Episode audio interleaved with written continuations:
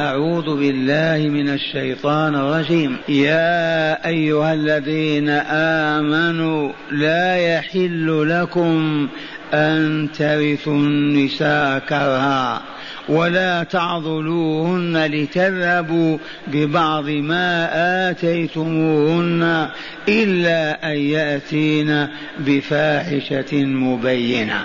وعاشروهن بالمعروف. فإن كرهتموهن فعسى أن تكرهوا شيئا ويجعل الله فيه خيرا كثيرا. وإن أردتم استبدال زوج مكان زوج وآتيتم إحداهن قنطارا فلا تأخذوا منه شيئا. أتأخذونه بهتانا وإثما مبينا؟ وكيف تأخذونه وقد أفضى بعضكم إلى بعض وأخذن منكم ميثاقا غليظا. آمنا بالله. هذا قرآن أم ماذا؟ هذا القرآن يقرأ على الموتى. كيف يعقل هذا؟ ونجادل. أنزل هذا ليقرأ على الموتى. هذا دستور ما اكتحلت عين الوجود بمثله قط. هذا سبيل العزة والكرامة والسلامة والنجاة والنعيم المقيم في دار السلام. ما يقع على الموتى أمثل هذا يهجر ويترك ويهمل. إن أمرنا عجب وحالنا تنبئ عن حالنا. يا أيها الذين آمنوا لا يحل لكم أن ترثوا النساء كرها ولا تعضلوهن لتذهبوا ببعض ما آتيتموهن إلا أن يأتين بفاحشة مبينة. وعاشروهن بالمعروف فإن كرهتموهن فعسى أن تكرهوا شيئا ويجعل الله فيه خيرا كثيرا. وإن أردتم استبدال زوج مكان زوج وآتيتم إحداهن قنطارا فلا تأخذوا منه شيئا. أتأخذون بهتانا وإثما مبينا؟ وكيف تأخذونه؟ وقد أفضى بعضكم إلى بعض وأخذن منكم ميثاقا غليظا. صدق إخواننا الجن. عندما قالوا إنا سمعنا قرآنا عجبا والله عجب. صدق إخواننا الجن لما قالوا إنا سمعنا قرآن عجبا ولا لا. أولا يا أيها الذين آمنوا بما بالله ربا. وبالإسلام دينا وبمحمد نبيا ورسولا وبالقرآن هاديا ونورا. بعبارة موجزة أيها الأحياء. يا أيها الأحياء أما الأموات لا ينادون. أتنادون الميت؟ يسمع؟ يجيب؟ هذا عبث إذا نادينا ميتا. إذا ما معنى هذا يا شيخ؟ معناه أن الإيمان الصحيح الإيمان الحق الذي إن عرضته على القرآن وافق وصدق عليه هذا الإيمان بمثابة الروح سواء بسواء.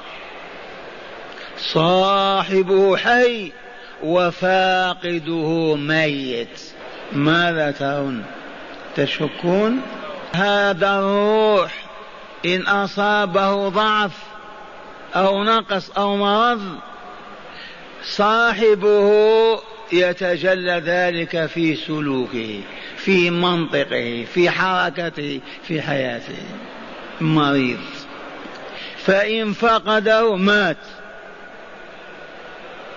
إذا فلا بد من أن يكون الإيمان سليما صحيحا إن عرضته على القرآن وافق عليه. إن عرضته على أهل القرآن وافقوا فإن قالوا إيمانك ناقص إيمانك ضعيف فاسد عالج قبل أن تنتهي. الآن نادى الله الأحياء وإلى الأموات. يا من آمنتم اليوم وبالأمس كنتم كفر أمواتا. تتخبطون في ظلمات الحياة والجهل. أما وقد آمنتم وحييتم اسمعوا ما يقول المولى تعالى لكم. يا أيها الذين آمنوا لا يحل لكم أن ترثوا النساء كرها ولا تعضلوهن لتذهبوا ببعض ما آتيتموهن إلا أن يأتين بفاحشة مبينة. هذا جزء من هذه الأحكام الأربعة. هذا الحمد لله نجونا منه. وإن بقيت آثاره في ظلمات الجهل والجهلة في الشرق والغرب لكنها نادرة.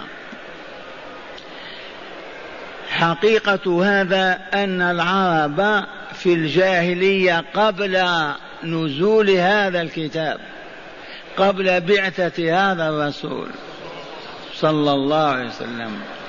كان الرجل يرث امرأة أبيه.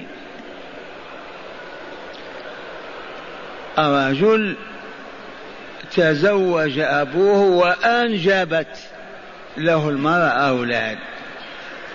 أو لم تنجب. فهذا ابن الرجل من امرأة ليست من أمه. إذا مات والده يرث امرأته. كما تورث الأموال والعروض. إن شاء زوجها وأخذ مهرا إن شاء أبقاها إن شاء تزوجها. بمعنى أنه ورثها كسائر الأموال. وانتشرت أيضا هذه العادة الجاهلية حتى الأخ يرث أيضا امرأة أخيه. إذا ما لها ولد فهو أحق بها. إن شاء زوجها وإن شاء استخدمها. أو طلب منها مالا وأطلقها. فأبطل الله هذه العادة الجاهلية أو هذا القانون الجاهلي. الذي أوحاه الشيطان وأملاه على أهل الشرك والكفر. اسمع يا أيها الذين آمنوا لا يحل لكم أن ترثوا النساء كرها. هذا كره وإلا لا؟ بالقوة بالهراوة. أتي مرة أبي أنا أزوجك وأخذ المهر هذا اولا وثانيا ولا تعضلوهن لتذهبوا ببعض ما آتيتموهن إلا أن يأتين بفاحشة مبينة. العضل مأخوذ من العضلات والداء العضال ما ينفك صاحبه منه بمعنى لا يحل للرجل الذي تحته زوجا أن يؤذيها ويضايقها ويؤلمها حتى تفتدي منه بالمهر الذي دفعه أو بأكثر منه أو بأقل. هذا قد يوجد عند الغافلين والجاهلين ما تعجبه زليخة دميمة الوجه صليطة اللسان فقيرة أهلها كذا ماذا يصنع؟ يأخذ في مضايقتها والضغط عليها يعبس يقطب ما يبتسم في وجهها ما ما تمل الحياة. تريدين الطلاق؟ أعطينا كذا ونطلقه. فلا ولا تعضلوهن لتذهبوا ببعض ما آتيتموهن تباتم؟ قال لتذهبوا ببعض إذ من الجائز ما تعطيه كل ما أخذ. حتى البعض ما يجوز. ريال واحد حرام. ما هو كل المهر. أنت استبحت فرجها بذاك الريال كيف تأخذ منه وتسترده بأي حق؟ ولا تعضلوهن لتذهبوا ببعض ما آتيتموهن. إلا اللهم إلا أن يأتين بفاحشة مبينة. ومبينة واضحة. فإذا أتت المرأة بفاحشة أعلى الفواحش الزنا. وكالزنا السحاق. تعرفون السحاق؟ المرأة تعلو المرأة وتتلذذ بالاتصال بها. هذا يعرف بالسحاق وهو محرم كالزنا. إذا فاحشة أعلاها الزنا والسحاق ودون ذلك سلاطة اللسان. تبهتم أذية الزوج المكر به. تبهتم الاتصالات بغيره. فإذا ثبت عندك يقينا أنها ارتكبت الفاحشة. الكبرى أو دونها ما أصبحت أهلا للبقاء في بيتك. في هذه الحال لك أن تضايقها فإن تبرمت وتملمت أعطيني كذا وأطلق سراحك واضع هذا القانون هو رب النساء والرجال. الرجال عبيده والنساء إيماؤه فهو أرحم بهم والله من أنفسهم. فلا يشرع لهم إلا ما فيه خيرهم وسعادتهم. فلا دخل لنا في هذا. لا تقل لما انتبه.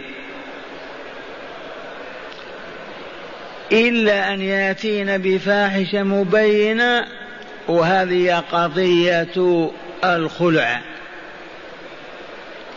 الخلع أن يخلع رجل المرأة وتخلعه. كانت مرتبطة به اخلع وتخلع. الخلع إذا هذه المرأة ما أطاقت البقاء في هذا البيت. كرهت هذا الفحل. ما أصبحت تطيقه. كذا ولا لا؟ هو ما آذاها ولكن خلقها نفسها تطلعها. خرجت مرة وعلى النافذة شاهدت رجل أبيض قالت هذا مثله. ما نريد هذا الشخص. والشيطان يملي. وهذا هو السر أو من أسرار منع النساء من الشوارع والطرقات. ولكن الأموات لا يفهمون هذا. لأن المرأة إذا كانت تتبرج بوجهها وتمشي في الشوارع وزوجها دميم الخلق أعمش مثلي تكرهه ترجع البيت كارهة له. تبهتم وتبدأ تطلع. لما أنا محبوسة مع هذا؟ العفن. والرجل كذلك.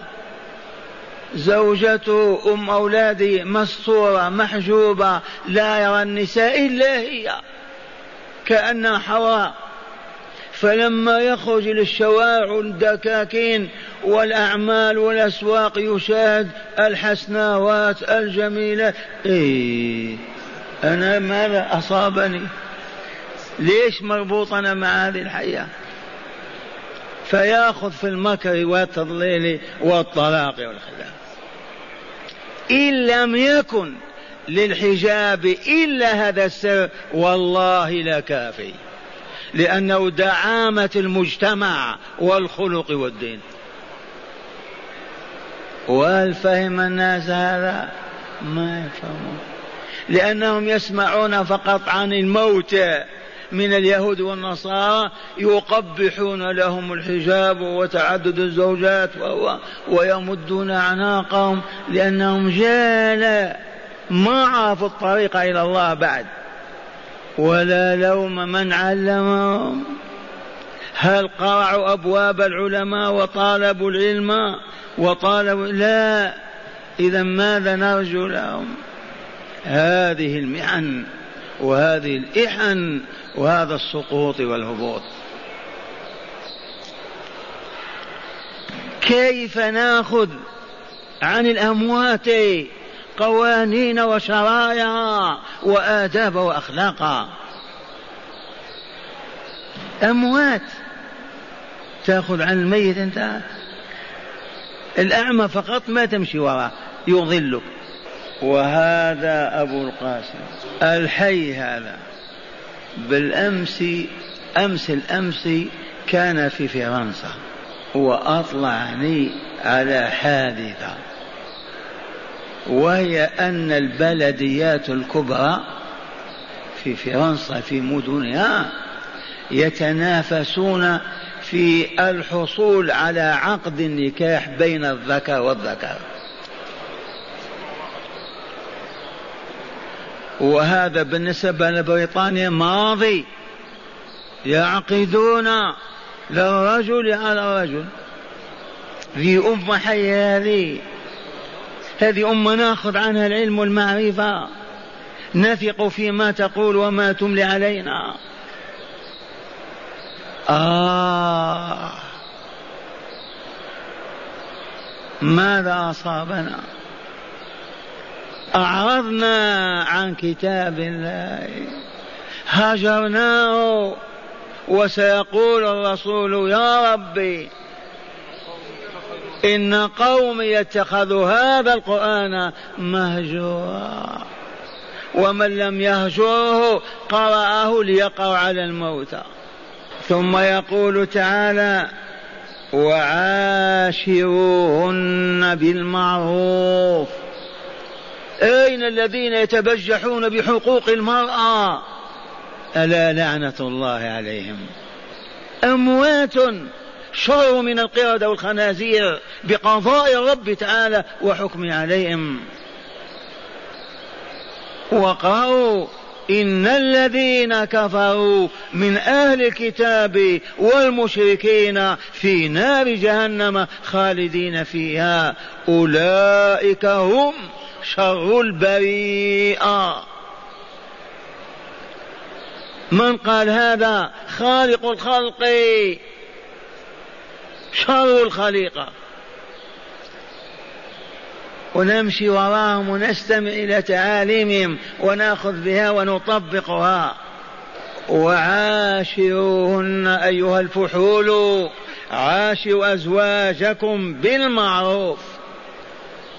المعروف العدل القسم الحق الصبر الحلم الابتسامة الطيبة الكلمة الرحيمة المعاملة الحسنة. هذه أختك قبل كل شيء. وأختك مرة أخرى في دينك وإسلامك. ثم أم أولادك وزوجتك. كيف تؤذيها؟ كيف تؤذيها؟ والله يسبونهن ويشتمونهن ويعيرونهن ويقبحون لهن.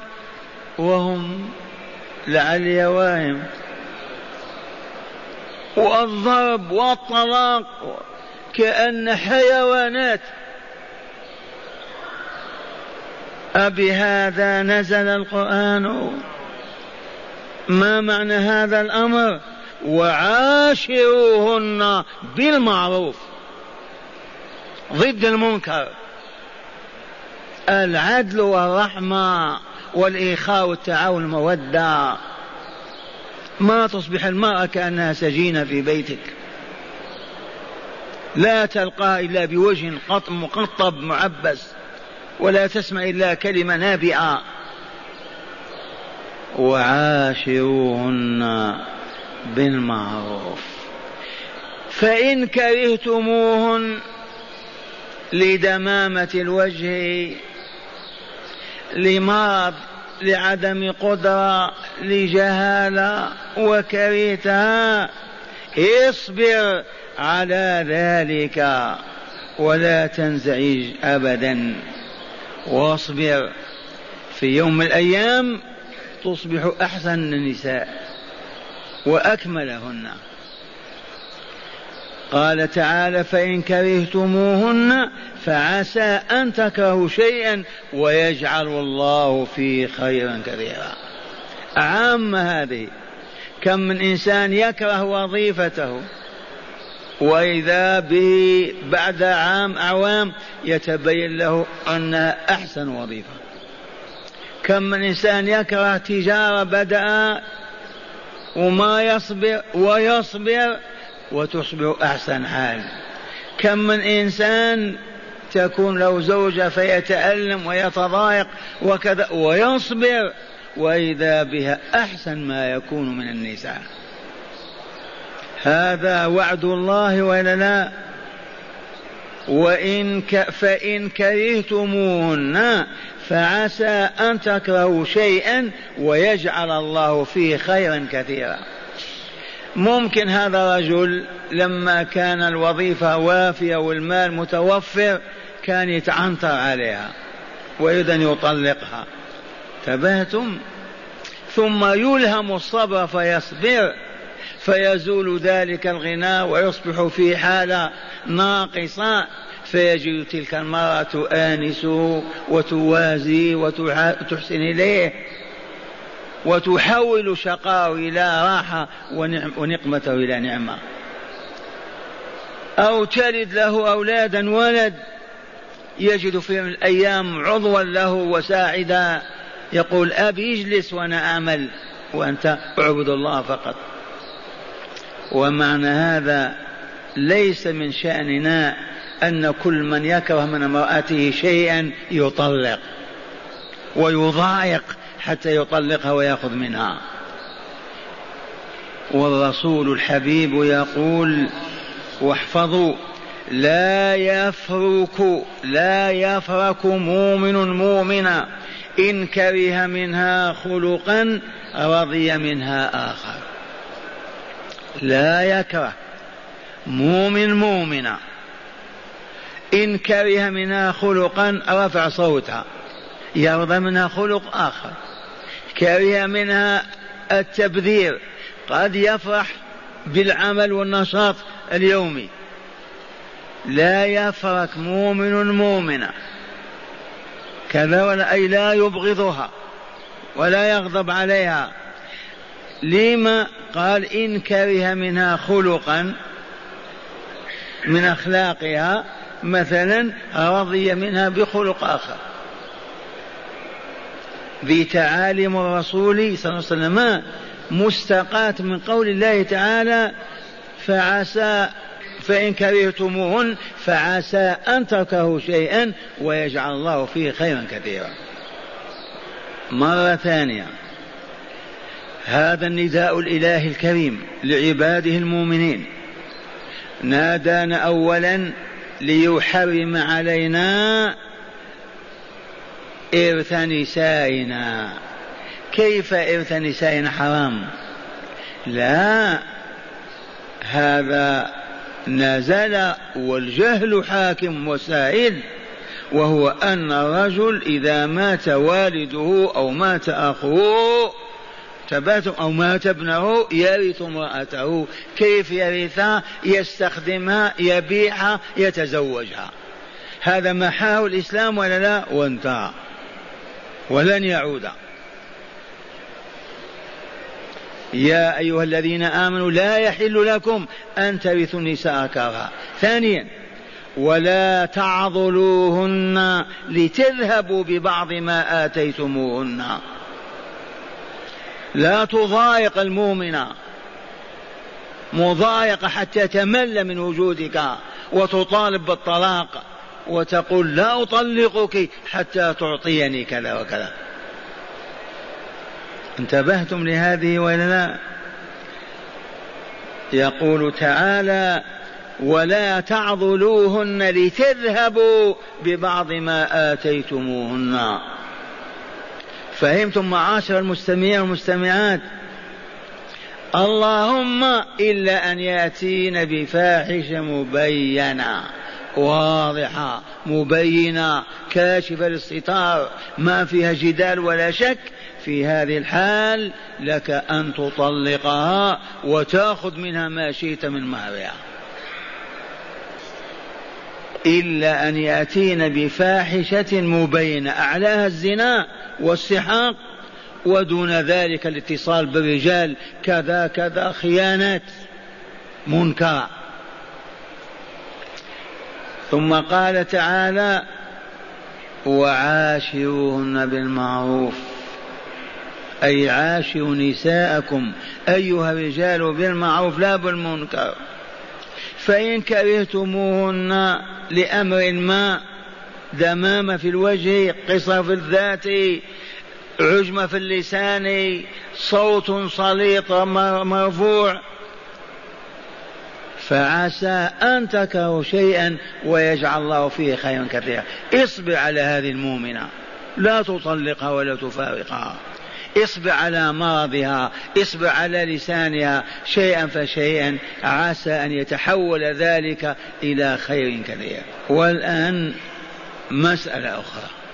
يقول لنا تعالى وإن أردتم استبدال زوج مكان زوج. تزوجت زليقا ثم بدا لك أن تطلقها وتتزوج غيرها. ما دام المال متوفر وأنت في خير أردت أن تستبدلها. تباتم ماذا تصنع؟ تضايقها تضغط عليها. حتى تملك وتقول اتركني ونعطيك كذا. لا لا لا لا لا, لا يحل أبدا. فقط تقول إن شئت بقيت في بيتك وأريد أن أتزوج. تأذنين البيت بيتك وأنت أنت وأنا أخوك ولكن أردت أن أتزوج. انتبهتم؟ في هذه الحال إذا قالت طلقني وتزوج. طلقها ولا تأخذ من مهرها ولو مهرتها قنطارا. لا تأخذ منه جرام واحد. وإن أردتم استبدال زوجا بالهاء محذوفة لأن الأصل زوج بدون هاء لماذا؟ لأنك أنت زوج وهي زوج بك أصبحت زوج وبها أصبحت أنت زوج فأنتم جسم واحد. عجب. كيف ترضى أن تضر جسمك؟ أنت تأخذ نصفك وتضرب بالعاصة هذا نصفي. لا إله إلا الله. ما كنت زوجا أنت والله إلا بها. ولا كانت هي زوج إلا بك. أنتما شيء واحد. كيف إذا تؤذيها؟ أو تؤذيك؟ وإن أردتم استبدال زوج مكان زوج وآتيتم إحداهن قنطارا فلا تأخذوا منه شيئا. التعبير بالقنطار فيه ما يفهم منه أنه يجوز رفع المهور إلى قناطير. تبهتم مئة كيلو فضة. لكن ليس هذا هو المطلوب من باب إن أعطيت قنطار. ما في من يعطي قنطار. على فرض إن أعطيتها قنطارا لا تأخذ من جرام واحد. أعطيها مهرها كاملا وسرحها وطلقها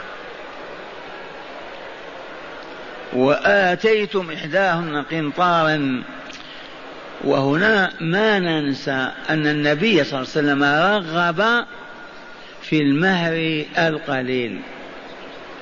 أكثر النساء بركة أقلهن مهورا أيسرهن مؤونة كلما كان المهر قليلا كانت العاقبة أحسن.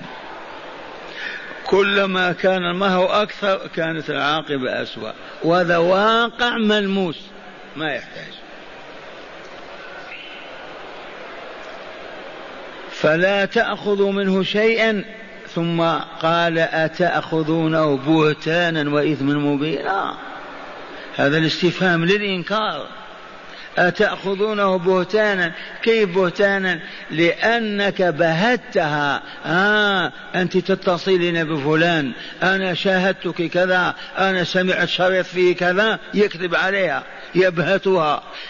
ماذا تصنع هي؟ هيا. اذهبي عني أعطيني كذا هذا بهتان وإثم مبين. أتأخذونه بهتانا وإثما مبينا؟ وكيف تأخذونه؟ دلوني وقد أفضى بعضكم إلى بعض. أفضى الرجل إلى المرأة والمرأة إلى الرجل كجسم واحد كتلة واحدة من لحم. أمع هذا الالتصاق وهذا الالتحام تكذب عليها وتفتري وتتهم بالفاحشة والباطل من أجل أن تطلقها وتأخذ منها شيئا من مهرها. آمنا بالله. القائل هذا هو خالق العقول وإلا لا؟ وغابز الغرائز وإلا لا؟ إذا فلا يخطر ببالك أن يكون شيء من هذا غير واقع. آمنت بالله. وكيف تأخذونه؟ وقد أفضى بعضكم إلى بعض وأخذن منكم ميثاقا غليظا. أخذ الأزواج من أزواجهن العهد والميثاق وهو العقد. مو عقد بالمحكمة ولا لا؟ ومن جملة العقد إمساك بمعروف أو تسريح بإحسان. زوجني يا فلان ابنتك. فلانة تقول زوجتكها على مهر قدر كذا إمساك بمعروف أو تسريح بإحسان. إما أن تمسكها بالمعروف الذي أمر الله وإما أن تسرحها بإحسان. ما بالسب والشتم والتعيير أو بالتهم وأخذ المال. فإمساك بمعروف أو تسريح بإحسان. تسريح. من الراحة وإلا لا؟ تسريح كنت تعبت منها تعبت منك سريحة. واستراح أنت وتستريحي. آمنت بالله. إذا وأخذنا منكم ميثاقا. هذا العقد وإلا لا؟ من مواد العقد إمساك بمعروف. أو تسريح بإحسان. وافقت على هذا أنت ووقعت. لم تخون إذن؟ وكيف تأخذونه؟ وقد أفضى بعضكم إلى بعض وأخذن منكم ميثاقا غليظا. معاشر المستمعين هيا نتلو الآيات بالتأني بدون تجويد. بعض طلبة لماذا الشيخ ما يجود؟ تباتم نحن نريد أن نفهم كلام الله عز وجل بدون غنى. يا أيها الذين آمنوا يدخل في هذا اليهود والنصارى والمجوس البوذا؟ من؟ المؤمنون الأحياء. شرفهم الله بالإيمان فناداهم فزادهم في شرفهم. يا أيها الذين آمنوا نقول لبيك اللهم لبيك مر نفعل وانهى ننتهي. هذا استعدادنا والا لا. يا أيها الذين آمنوا لا يحل لكم ماذا؟ أن ترثوا النساء كرها. امرأة أبيك مات والدك تعتد في بيتها انتهت عدتها تأخذ مالها إن كان لها مال تأخذ بقية مهر إن كان لها بقية تأخذ حصتها من الإرث. ترث الزوج وإلا لا؟ زوجته ومع السلامة. بهذا أمرنا الله عز وجل. أما أن تحبس وتقول أنت زوجة أخي ومات أو أبي أنا أزوجك وآخذ المال الذي دفعه أبي أو أبي. لا. هذا عصر الظلمات. ظلمات الجهل ولا لا؟ إن ظلماتنا اليوم والله لأعظم من تلك الظلمات. أبعد أن يعقدوا للذكر على الذكر في المحكمة بقي شيء؟ مسخ. وسوف تنزل بهم. أين الله؟ من المرصاد ولا يزال الذين كفروا تصيبهم بما صنعوا قارعة أو تحل قريبا من ديارهم حتى يأتي وعد الله. ولعل حربا ذرية تقضي على وجودهم. موجودة الذرة ولا لا بها ولا لا لأمر أراده الله. علمنا الله إذا كثر الخبث هبطت. ينسفها الله. ولا تعضلوهن لتذهبوا ببعض ما آتيتموهن إلا أن يأتين بفاحشة مبينة. ماذا فهمتم من هذه الجملة؟ ما معنى ولا تعضلوهن العضل ما هو الحبس ولا لا؟ لا تخرجي لا أطلقك حتى تعطيني ما في يديك ورجليك من الذهب. حتى تتنازلي على بقية المهر يجوز هذا؟ ولا تعضلوهن لتذهبوا ببعض ما آتيتموهن اللهم إلا أن يأتين بفاحشة مبينة. لا غبار عليها ولا شك. فهنا تعاقب بأن تسترد بعض المهر والمهر كامل ويطلقها. لأنها ارتكبت فاحشة ما يبقيها الزوج في بيته. إلا أن يأتين بفاحشة مبينة قراءة سبعية مبينة. ظاهرة واضحة. ثم قال تعالى وعاشروهن بالمعروف.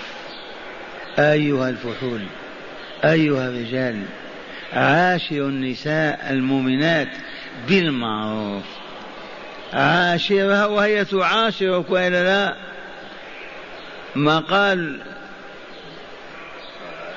لو كانت لفظة أخرى ما تدل على المعاشرة بين اثنين. هي تعاشرك وأنت تعاشرها وتتم العشرة والسلام بينكما. وعاشروهن بماذا؟ بالمعروف. المعروف ما عرفه الله من الحق من العدل من الإحسان. بالمعروف. فإن كرهتمون لأمر ما اصبروا. اصبروا ما تطلق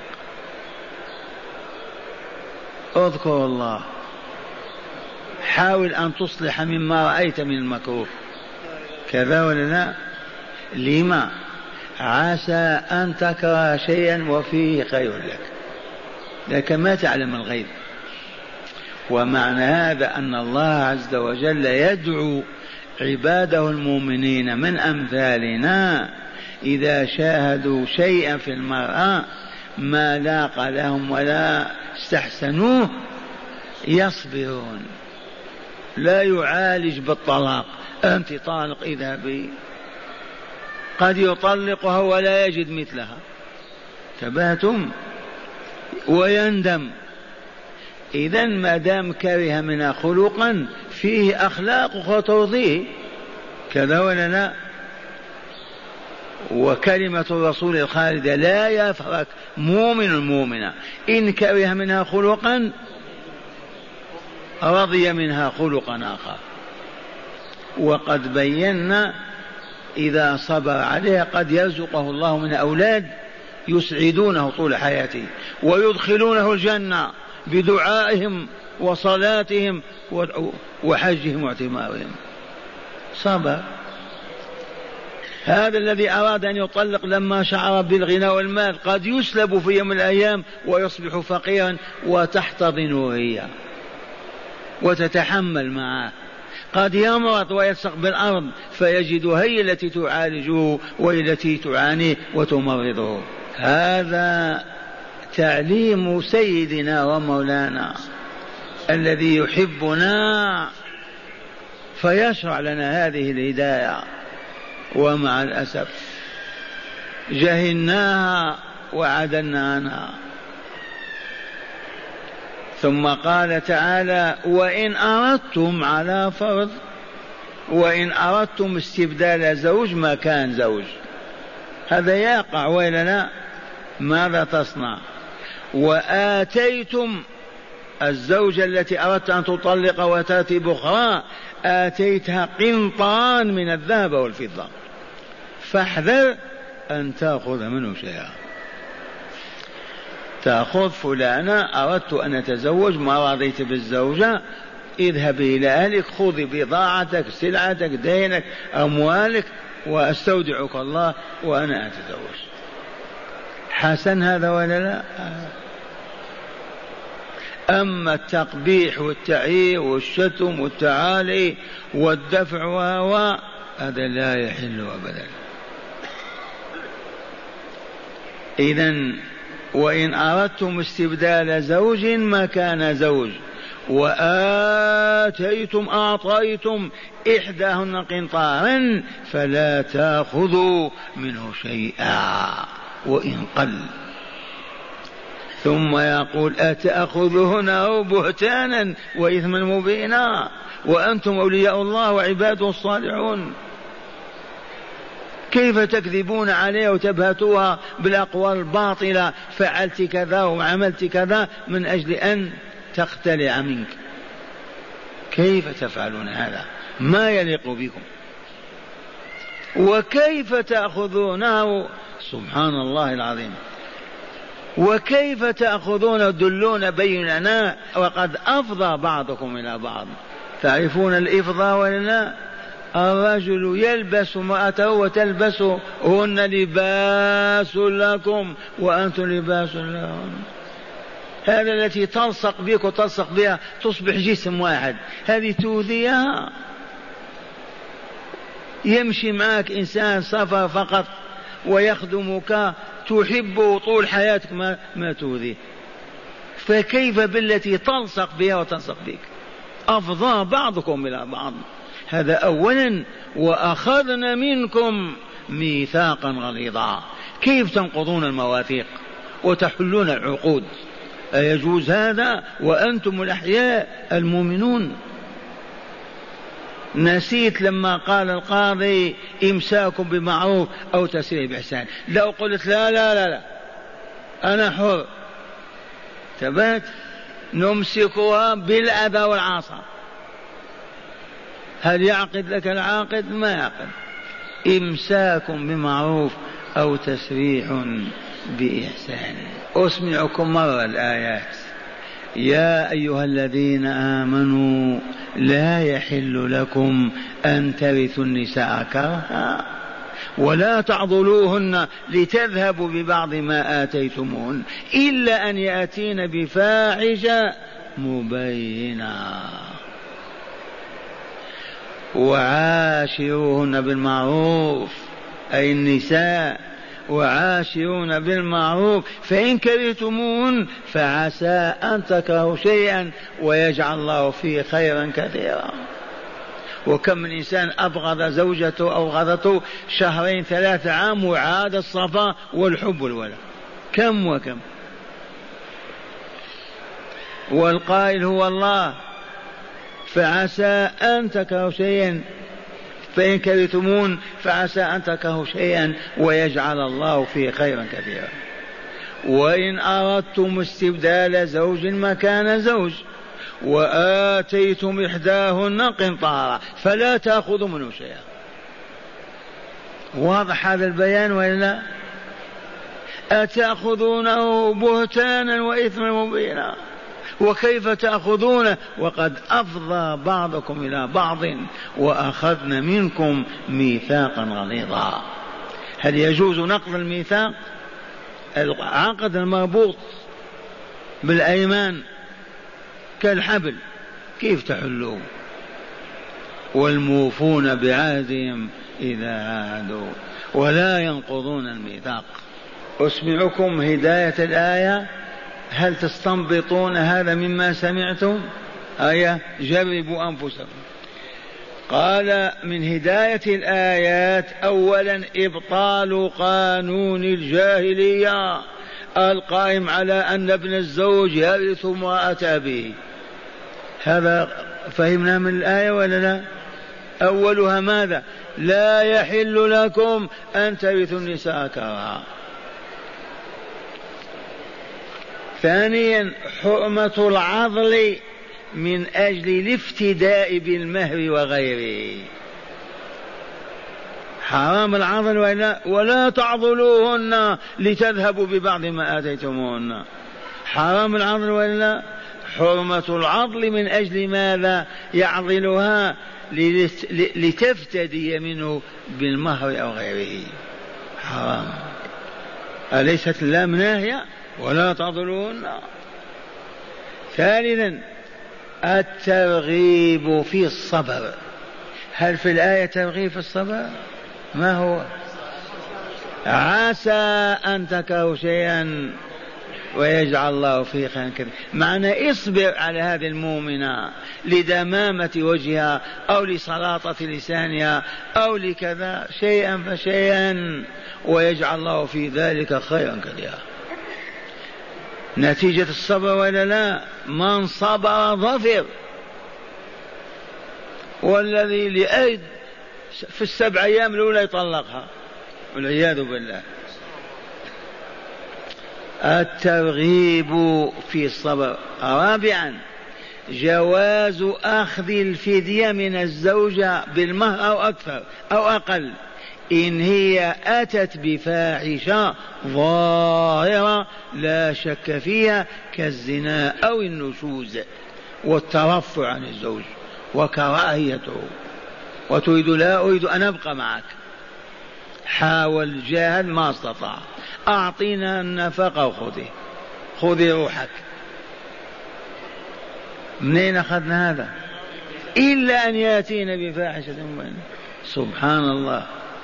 خامسا جواز غلاء المهر فقد يبلغ القنطار غير أن التيسير فيه أكثر بركة. منين أخذنا جواز؟ عمر يخطب يوم الجمعة فدعا إلى التيسير في المهور. قال لا ينبغي أن تزيد على أربعمائة درهم. لما نزل قالت السيدة من النساء أيعطينا الله وتمنعنا يا عمر؟ أما قال الله وآتيتم إحداهن قنطارا عاد إلى المنبر وقال صدقت امرأة وأخطأ رجل. كل الناس أعلم منك يا عمر. وحصل هذا عندنا في حكومتنا القرآنية منذ حوالي ثلاثين سنة. أرادوا أن يجعلوا المهر مئتين من كان في ذاك الوقت. كيف ما سمعتم بهذا؟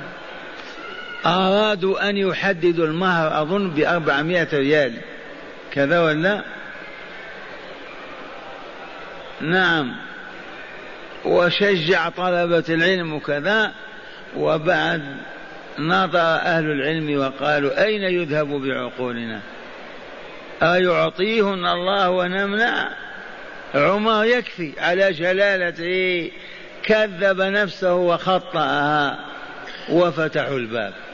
وإلا كادوا يجعلونه في المحكمة. نسيتم هذه. أنتم الأحداث ما سمعتم. قال خامسا جواز غلاء المهر فقد يبلغ القنطار غير أن التيسير فيه. أبرك وإلا لا؟ أفضل. المهر إذا كان أكثر قنطار وأقله ربع دينار. وهذا الذي عليه جمهور الفقهاء لأن ربع دينار تقطع فيه اليد يد السارق. تبات وبذلك ما يفتض الفرج إلا بمثله. ربع دينار سادسا وجوب مراعاة العهود والوفاء بها. منين أخذنا من هذه الآية؟ وأخذنا منكم ميثاقا غليظا. إمساك بمعروف أو تسريح بإحسان.